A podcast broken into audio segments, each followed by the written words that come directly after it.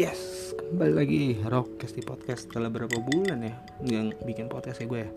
Hmm, 6 bulan ya, 6 bulan lebih kayaknya. Ya, ya sempat mikir kayak apa yang mau gue bagikan ya? Karena gue ngalamin banyak banget dari bulan dari awal ta tahun 2021 ini banyak banget uh, menerima suatu kenyataan yang tidak enak.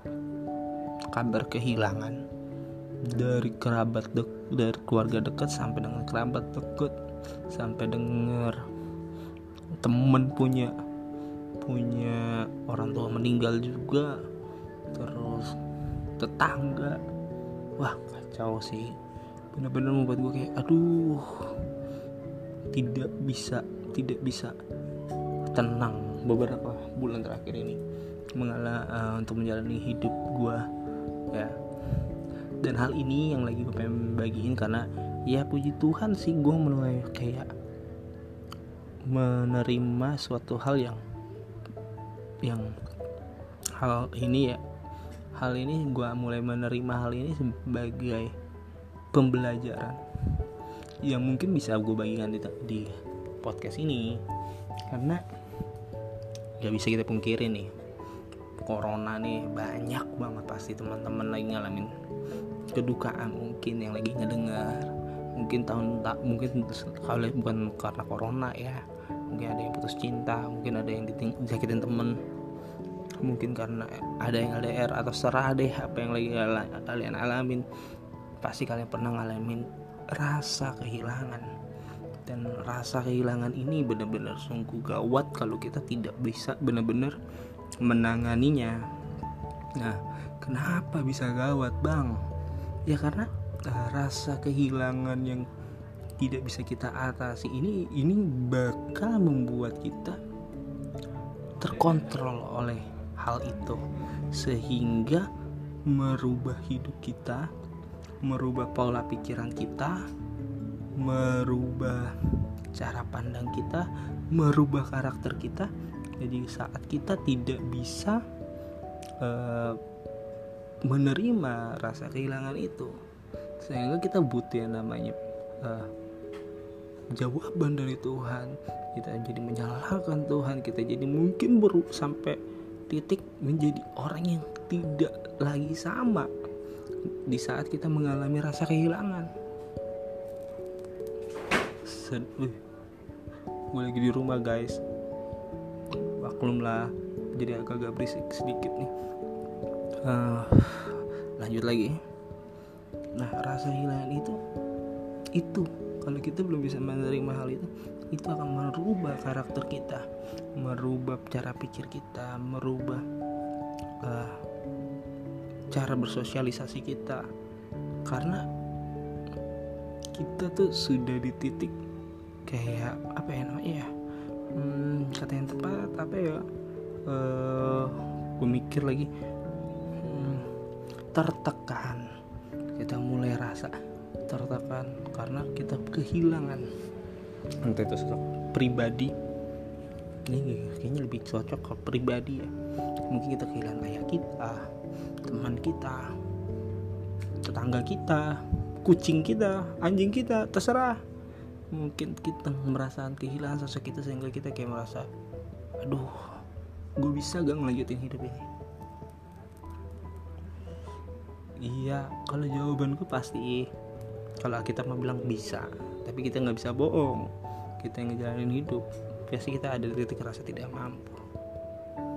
Dan hal ini bagi gue sih wajar ya ketika kita punya uh, memiliki rasa kehilangan dan kita mulai kayak tertekan dan mulai merasa kayak realita hidup kita berubah di saat kita kehilangan pribadi pribadi orang. Itu kayak aduh bisa gak melalui hidup ini? Itu wajar bagi gue tapi nggak wajar ketika kita lebih dikontrol sama rasa kehilangan itu. Karena firman Tuhan pernah bilang uh, dari bayi dari di dalam kandungan rahim ibumu Tuhan telah mengenal kita. Sehingga apa pun kejadian ke depan Tuhan udah tahu ke depannya jadi apa. Perkaranya kita percaya gak hal itu. Mungkin yang lagi ngedenger lagi keinginan kayak ah nggak mungkin gue nggak percaya. Tuhan aja ambil orang tua gue Tuhan aja ambil pasangan gue Tuhan aja ambil ini gue iya memang. Tuhan ambil itu semua. Tapi bukan dengan tujuan membinasakan kita tapi dengan tujuan membagikan hidup kita membagikan gimana ia membagikan dengan kasih yang pernah kita terima dari orang-orang itu. Mungkin tuh dengan hal itu, dengan rasa dengan kehilangan itu, kita jadi bisa membagikan segala yang pernah kita terima dari orang-orang yang telah pergi daripada kita.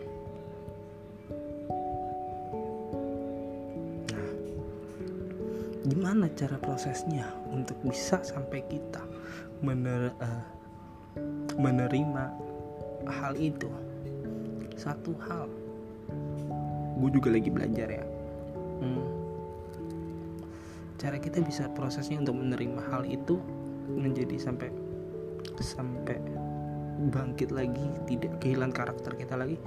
Satu hal. Lu kita harus ubah dulu cara pandang kita cara pikiran kita. Kalau gue mengubahnya dengan cara begini. Ketika kematian bokap gue 2017 dan beberapa orang terdekat gue gue mulai menghidupi lagi cara pikir gue adalah hmm, mereka telah lebih dulu dipanggil Tuhan. Bukan karena Tuhan gak sayang gue atau Tuhan gak sayang gak sayang orang uh, orang yang telah dipanggil tapi lebih kayak Tuhan nyuruh Tuhan lebih meminta gue saat ini adalah membagikan kasih yang pernah gue terima dari mereka.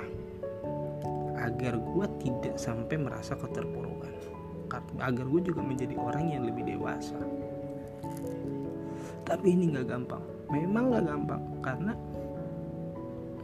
yang untuk bisa sampai detik itu ya lu harus mulai duluan bukan nunggu orang lain yang mulai duluan.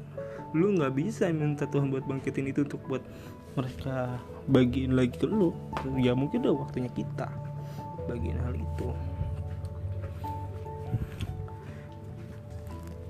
Karena kalau kita nggak bisa bagian hal itu kita akan mengalami kayak kita nggak bisa ber, uh, ber, berkehidupan sosial. Kita mulai ada perilaku perilaku individu yang salah.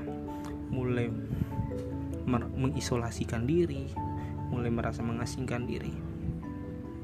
Dan kita bukan lagi menjadi karakter yang benar di hadapan diri kita sendiri. Bukan jangan di hadapan Tuhan kalau lu belum bisa percaya sama Tuhan karena kejadian kehilangan itu kita malah jadi gak bisa jadi benar untuk diri kita sendiri.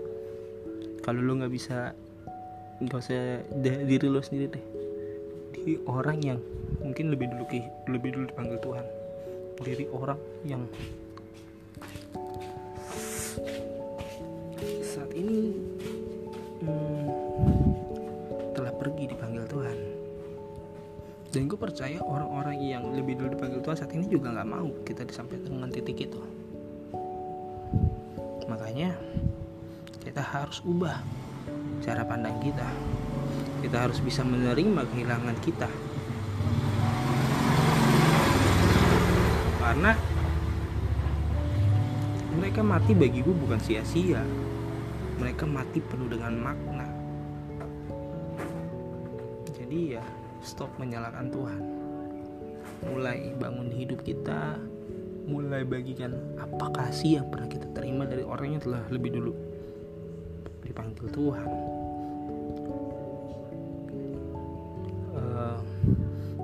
kayaknya sekian deh. Itu aja gak usah panjang lebar deh. Karena ya gue juga lagi belajar juga. Karena hidup yang bermakna adalah ketika lo mah hidup yang bermakna adalah ketika selama ke selama kehidupannya bukan punya apa ya jadi ngaco salah gue ngomong kan. Ah, kehidupan yang bermakna adalah ketika di dalam kematiannya bukan penuh dengan lupa gue kan. Hah gara-gara ngomong kehilangan ya. Tunggu tunggu gue ngeliat dulu. Hmm. apa ya tadi gue lupa? Oh ya. Kehidupan yang bermakna adalah kehidupan yang dibagikan sampai dengan kematiannya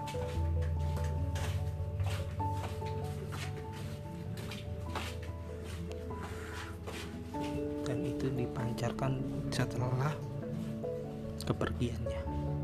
Ya jadi kalau memang orang-orangnya kalian kalian eh, orang-orang itu yang telah dipanggil Tuhan lebih dulu bermakna buat hidup kalian. Mulai hidupi makna hidupnya di dalam kehidupan kalian.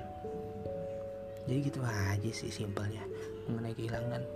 Mungkin gue bakal bikin yang kedua kali ya perihal keyatiman doain aja biar ada mood semangat lagi. Jadi semoga terberkati ya. God bless you